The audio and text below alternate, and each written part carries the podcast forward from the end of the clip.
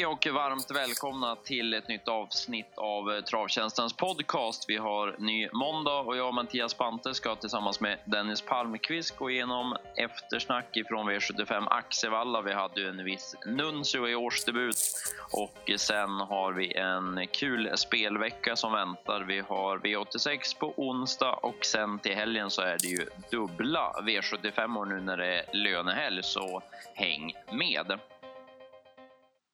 Ja, Dennis, du jobbade för vår del i helgen och eh, ja, det var inte särskilt lättsprunget på Axevalla den här dagen.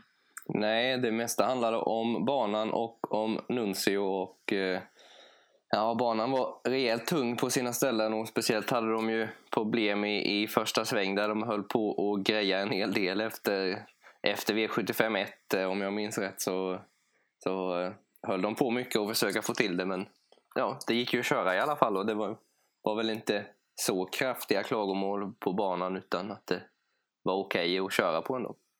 Ja, precis. De fick väl till det hyfsat i varje fall och sen ja, det blev, det blev mycket trötta hästar i loppen men som sagt det gick ju att genomföra tävlingen i alla fall och ja, det är ju den årstiden fortsatt så att det är väl sånt man får leva med dessvärre men det är klart det är ju aldrig bra tycker man ju och eh, det blir ju väldigt osäkert när man undrar om vissa hästar kommer strykas på grund av banan sent in på start och sådär så att eh, ja, det är ju inte, inte optimalt. Nej, verkligen inte. Det är ju svårt att räkna på och svårt att veta för både oss spelare och tränare och så vidare vilka hästar som funkar och inte. Det var en hel del galopper också, betydligt mer än vanligt i, höga klasser så att eh, det är klart att det tar ut sin rätt.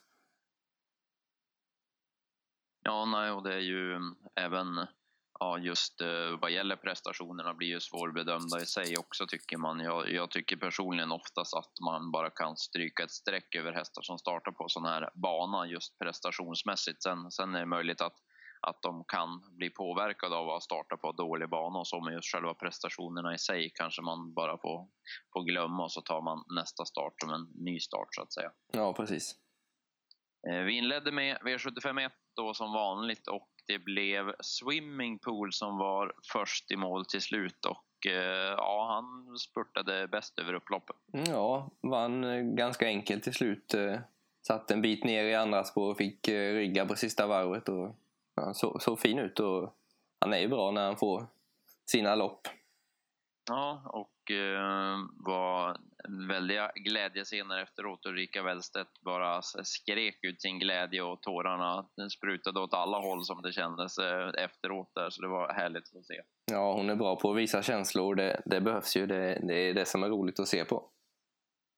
Picasso Tilly var ju bra som, som tvåa där bakom. Han fick ju dra fram vinnaren. Han. Mm. Och så var det väl Reggie Hall som spurtade bra innan galoppen kom en bit innan mål. Ja, precis. Det var den som var... Jag var lite besviken på Topp Yllit. Jag eh, tycker att han borde ha kunnat lite bättre ändå. Han eh, tog ju döden, så det tyckte jag var helt, helt rätt att göra. Men han, eh, han räckte inte riktigt till och Calypso Am i ledningen var ju mest trög, även om han var trea i mål. Ja, det stämmer. Eh, V75 2 sen var ju långdistans och ston och ja, det var, det var inte det roligaste V75-loppet jag tittat på, så mycket kan jag säga. Nej, det kan man säga. Det var Otala till tidig ledning och sen hände det absolut ingenting om man ska sammanfatta och sen så vann hon enkelt. Ja, ja, det var ju verkligen så det var. Det hände, hände ingenting och segern blev väldigt lätt. Här eh, måste man ju ifrågasätta Erlend Rennesvik har jag hyllat tidigare men hans styrning här med Pearl Face den tyckte jag var väldigt passiv. Han hade ju läge att köra till ledningen han på startvolten men han kastade ner i tredje inner bakom Juliana och Global Revenue och ja, han sitter nog fast fortfarande så den, den styrningen tyckte jag var märklig. Så att, eh, men eh, Pearlface kan vi spela i nästa start. Ja, precis. Och även Global Revenue som du nämnde som satt framför hade också en hel del sparat i mål. För. Ja, vi tar med oss dem och i övrigt var det väl rätt så tunt lopp får man säga. Ja. Sen var det lärlingsloppet då i V75 3 och eh, ja, det kändes eh, klappat och klart in på upploppet att det skulle bli favoritseger för Pokémon Ås och Kevin Oskarsson men sista 50 där, då kom klubban och då, då stannade han helt och åkte dit mot skrällen Önas Ida som spurtade förbi. Ja, det var väl inte bara in på upploppet, så, han såg klar ut 100 kvar också, men sen var det som du sa så var det bara tvärnit och det blev Önas Ida och Maxim Marre istället. Och eh, jag pratade med, med Kevin efteråt och han, han var inne på att det eh, kanske blev lite för tuff speed i, i, i loppet på, på bortelången. Så banan var ju lurig så mm. det kanske var mjölksyran som kom. Men eh, ja, man, man tycker väl ändå att Pokémon skulle ha uh, hållit undan ändå. Det, det må man ju säga. Men uh, ja, han, han, har inte världens bästa inställning och den, den kom väl fram här. Ja, den tillsammans med en tung, svårsprungen bana kanske det, det blev för mycket helt enkelt. Så sista biten blev det helt stopp. I övrigt, de betrodda Västerbo Real High, han, ja, han rusade på i full fart fram i spetsen. Ja, det blev lite väl hetsigt och det kändes som på den här banan, så det kändes som han sprang nio första varvet. Men det var det ju inte riktigt, men det var ju alldeles för hårt tempo och han var alldeles för het. Han var ju tidigt slagen också såklart. Kendra Silvio blev det galopp för i första sväng och där var hon borta. Och ja, sen, sen övrigt att nämna härifrån, det måste väl vara själva starten. För ja. det var ju rörigt värre när, när hästarna kom upp till bilen och vissa missade ju bilen helt. Andreas Lövdahl med Make It Quick, han var ju 50 meter efter när, när loppet skulle gå iväg. Så det är ju märkligt att man inte kan vara i, i tid när loppet ska, ska köras. Ja, nej, det var väl det var väl två eller tre hästar som verkligen missade bilen rejält och, och, och sådär. Så att, eh, nah, det, det är ju nerver inblandat men det, det är inte roligt för någon när det blir så. Nej, och Make It Quick gjorde ett bra lopp nu som, som femma och eh, startar på, på lördag igen. Får vi väl se om, om han räcker till där helt enkelt. Ja. Sen var det ju då höjdpunkten för, för dagen och eh, ja, eh, det är svårt att se bättre ut i en årsdebut än vad Nuncio gjorde. Ja, det kan man lugnt säga. Han, eh, Tarzan var ju ännu mer nöjd med, med värmningen än han, än han har varit tidigare. Så att, eller ännu mer nöjd. Det är väl svårt att betygsätta hans värmningar när han brukar galoppera för det mesta. Men, men nu travade han ju en hel del även om han inte på något sätt ser klockren ut när han värmer upp. Så, så lät det på Tarzan som att han var riktigt nöjd med hur han värmde. Och, ja, han var ju helt överlägsen såklart. Ja, den, den spänsten han visade upp in mot mål där, den var, ja, det var häftigt att se. Och eh, ja, det, det var många Nuncio-fans som sträckte på sig och kände att ja, den där Bo Digel får nog komma ändå. så, så ska han, han få åka lite. Så att eh, ja, man, man måste ju säga att man räknar ju egentligen bara ner dagarna till Elitloppet som det ser ut just nu. Ja, och det var, eh, det, man hörde ju till och med faktiskt på, på tv-bilderna som jag satt framför att eh, jublades på publikplats den här årstiden över upploppet så pass mycket att det gick ut i, i, i tv så att säga. Och det, ja, det säger väl en del. Det brukar, ja, det brukar inte direkt vara överfullt på uteplatserna på den här årstiden. Nej, precis. Det var härligt att höra en, en, en rätt kall februaridag gissar att det, att det var där med tanke på vädret. Mm. Det, det värmde. Eh, där bakom måste vi plussa för Bruno Di Quattro som var bra som tvåa. Han fick ju ett tufft lopp han, men var ju klart tvåa och slog de andra väldigt enkelt. Ja, ja den blir, blir spännande när den slipper Nuncio. Ja, eh, den eh, borde få, borde få vinna, vinna lopp så bra som den var nu. Så att, det var väl den, den att ta med sig. Mm. Drag i omgången, det var i V755. Vi sa ju redan i podden förra veckan att vi trodde på Västerbo High Score som vi valde att spika till och med. Och till 9% så ja, han var helt, helt överlägsen. Ja, det var ändå dåligt läge på på kort distans, men det, vad spelade det för någon roll? Det satt långt bak, men var ändå helt överlägsen. Ja, det var verkligen en, en härlig vinnare för, för vår del. Mm. Och, eh, ja, han, är, han är riktigt bra, Västerbo Highscore, och eh, Björn Röcklinger och teamet har eh, härlig form på, på stallet också. Ja. Där eh, bakom så blev det ju galopp för de betrodda Persimmon Face och Brusa Am och även Con Lane hade galopp. Och, Mm. ja, det var Goldwing hoppade in på upploppet. Det hade väl kanske inte blivit någon, någon match ändå om segern. Det såg ganska stumt ut men han hade ju ändå en, en bit fram till den. så att eh, det, det, hade inte blivit så överlägset om den hade stått på benen var väl känslan. Nej, precis. Så att, eh, den kan nog vara intressant till, eh, till nästa start, Vekas Goldwing, om den har spetsläge igen. Mm. Prestationen var ju, var ju vass fram till dess. Ja. Eh, Sen tog jag med mig Yoghurt Composites sköt till rätt så bra som trea. Den är lite underskattad och kanske kan vinna något lunchlopp på Ja, vi säger Mantorp exempelvis Mm. kanske, så eh, tänker jag prova någon krona. ja, vi håller koll på det. B4 Mantorp alltså. Eh, V75 6 var ju lördagsloppet. Det var ju ett eh, jättefint lopp på förhand och vi fick se en fin vinnare också för nu, nu var han i ordning igen som, som många vet att han kan. Balfour var, var bäst och bara klev runt dem. Ja, hade ju fått några lopp i sig nu och den här gången var han helt överlägsen. Det var väldigt, väldigt fin insats men det är klart det underlättade ju när flera av de andra betrodda galopperade. Mm, mm. Jo, det var som vi har sagt. Det, det har varit, var mycket galopper hela dagen och det var, det var så här också. Det var ju en galopp på både Cash Converter, Benjamin Evo och Magic Happens galopperade också. Jag hörde Peter Unterstein var väldigt nöjd med sin häst i övrigt hur han kändes men, men det blev ju galopp och då är det, då är det svårt att räcka till. Ja, Ehm, Där bakom så, det var väl två hästar som jag tog med mig. Det var Campo del Oro som satt fast. Eh, Erlend Rennesvik hade inte mycket flyt den här dagen. Han fick ju svar om ledningen här när han testade för det. Och sen blev man fast och sen eh, Bålsta Palema tyckte jag sköt till positivt som trea. ja och jag hade två, då hade vi en gemensam. För Campo del Oro hade jag också skrivit upp och sen så spurtade ju Mod Indigo bra långt ut i banan och den, det är en sån där lite underskattad häst känns det som.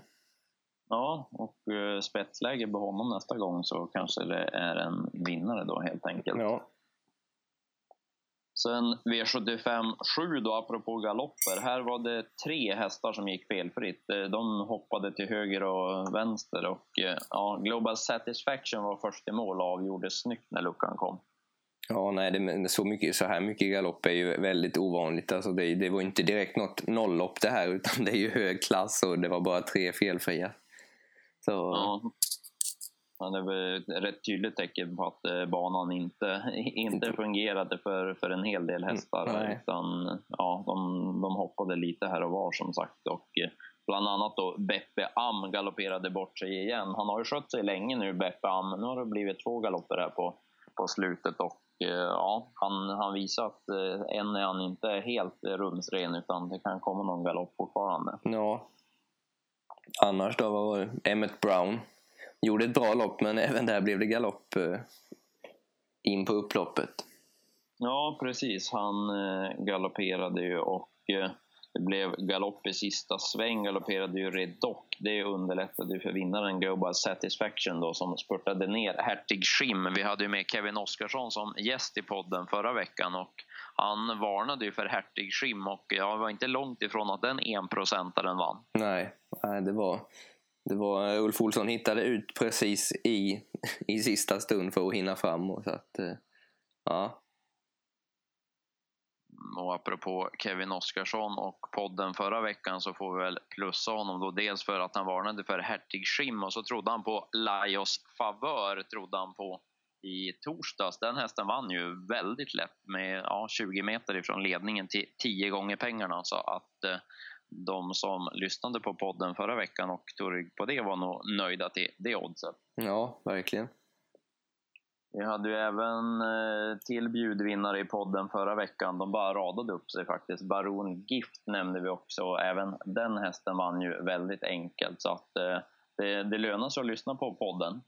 Ja, det, den är bra Baron Gift och Rickard Svanstedt är riktigt vass och fortsatt underskattad som det känns. Han, han kan ställa i ordning i alla fall. Ja, han är riktigt duktig. Så att, eh, ja, där har han verkligen en fin häst också i Baron Gift. Eh, vi lyckades tyvärr inte på våra spelförslag sätta sju rätt. Däremot så vårt tillsammans-system som folk kan köpa in sig på som släpps på fredagarna så blev det ju full pott och 315 000 och dela på. Så det var ju riktigt kul med glada vinnare där. Ja, verkligen. Eh, om vi ska summera Axevalla då och ta lite spela nästa gång, vad känner du för det? Ja du, det fanns ju några stycken. Det var inte helt, eh, det var inte helt eh, lätt. Men det var väl Bruno Di Quattro framför allt. Och så var det ju sparat på, på Lindgrens hästar, på, eh, Pearlface och Campo Deloro. Så jag tar väl dem då. Då tar jag och fyller på med den Yoghurt Composite och så tar vi den på någon lunchomgång på Mantorp. Och Global Revenue, Lars D. Karlssons häst, kanske mm. på en lunch på Eskils då. Ja, och så tar vi Mood Indigo också. Vi fyllde nästan en hel svart bok här nu. Så det var ju... Ja, ja. bara för folk att anteckna helt ja. enkelt.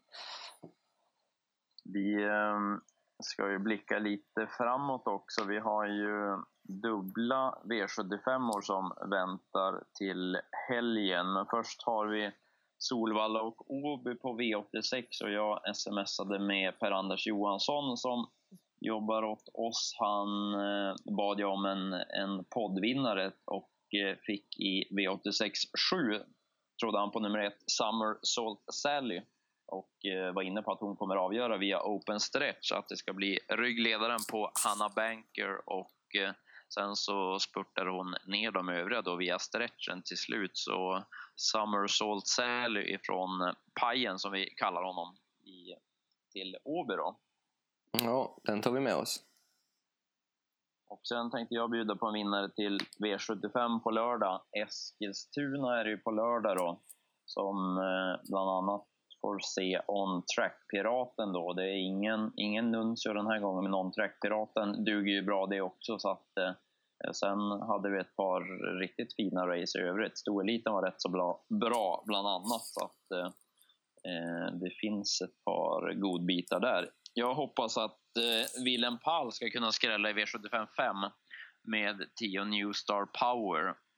Hon fick visserligen bakspår på 1600 men det är ett par startsnabba hästar där framme och eh, kan nog bli lite tempo på det. Och sen hoppas att hon får en rygg att gå i sista, sista 700 så kanske hon kan få utdelning på formen nu. Hon blev ju fast på Jägersro i onsdags och satt fast med rubbet sparat i mål och gången före var det ju toppspurt på Valla där hon visade 09,5 sista 400 och eh, ja, med lite klaff så kan det nog vara dags för New Star Power på V75 på lördag, så den, den tycker jag att man ska passa. Ja, den sträcker vi.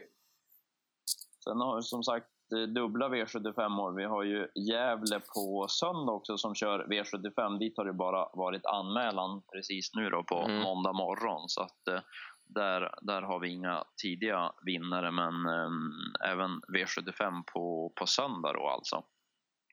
Ja, det får vi följa upp idag vad det blir för några hästar och spår så att eh, det har inte, inte kommit ännu. Nej.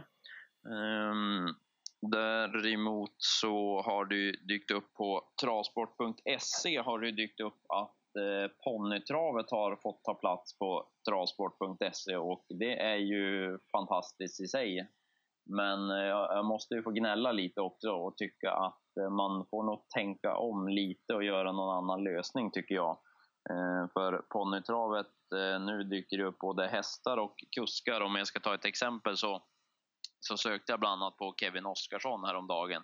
Och då får jag upp två träffar då på Kevin Oskarsson och så står Eskilstuna på båda och så ska man behöva klicka sig in då på, på en av dem och så upptäcka att, att det är fel, att det är hans ponnystatistik man kommer in på till exempel. Då, så att eh, det, det, känns som att eh, på fliken där man, där man söker och kan välja att söka på hela webbplatsen, där skulle ponnytravet få ta plats och att de, de stora hästarna får vara för sig och den statistiken. För nu att blanda in både propositioner och hästnamn och kuskar och eh, ja, massa gammal statistik som kommer upp. Det kan man ju söka åt ändå om man vill, men jag behöver inte veta vad, vad exempelvis ett par lärlingar hade för ponnystatistik. Den tycker jag är rätt ointressant faktiskt. Ja, men nog för att Kevin, jag tror att han hade ganska, ganska hög segerprocent och, och bra framgångar med, med ponny. Men ja, det är väl inte så, så intressant när man, man ska söka åt vad han ska köra den här veckan. Så. Eh, nej, precis. Nej. Och det är ju, nej, och särskilt då eh, hästnamn också blir ju, det är massa hästar som har dykt upp extra nu.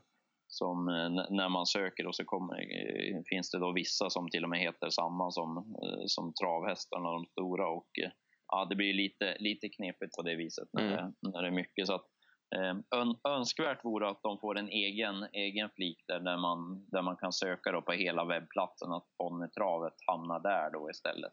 Så att eh, man, man, kan särskilja det där, för det blir lite, lite väl rörigt nu och statistiken är ju ingenting som, som eh, spelare eller eh, hästägare i sig på de stora hästarna så, som är vana att kolla propositioner och annat och sånt. Så att, ja, nej, håll ponnytravet på, på sidan A skulle jag säga. Ja, det är som du säger, det är fantastiskt att de har lyft in det på den här sidan och bra för alla, alla som håller på med ponny att det, att det finns på den här sidan och är lätt att söka på men det vore önskvärt att det låg på en egen flik bara.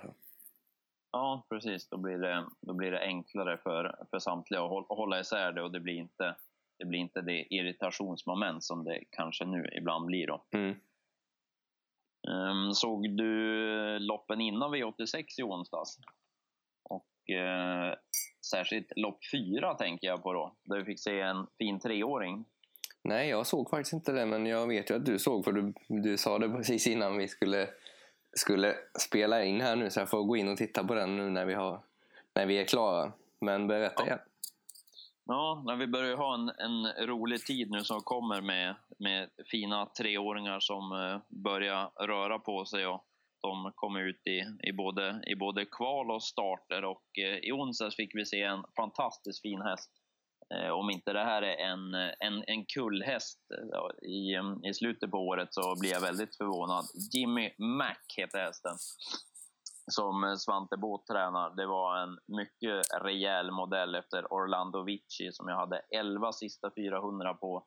Och eh, ja, det gjorde han helt opressad. Så att de som inte har sett lopp, lopp 4 från i onsdags får gå in och kolla på Jimmy Mac. För ja, det var en, en jag föll för direkt kan jag säga, när jag såg honom live. Ja, den här årstiden när det kommer ut nya treåringar är, är väldigt spännande. Så eh, det är bara att hålla koll på. Ja, nej, riktigt kul tid så som brukar. Så att, eh, ja, Jimmy Mac är min favorit så här långt. Nu när vi har den 20 februari får vi se. Man, man brukar kunna ändra sig ibland att det dyker upp ett gäng övriga men eh, den här var verkligen 5 plus. Mm.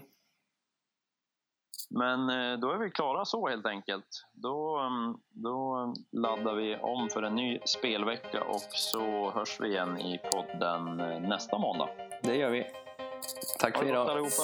Hej då. Hej hej.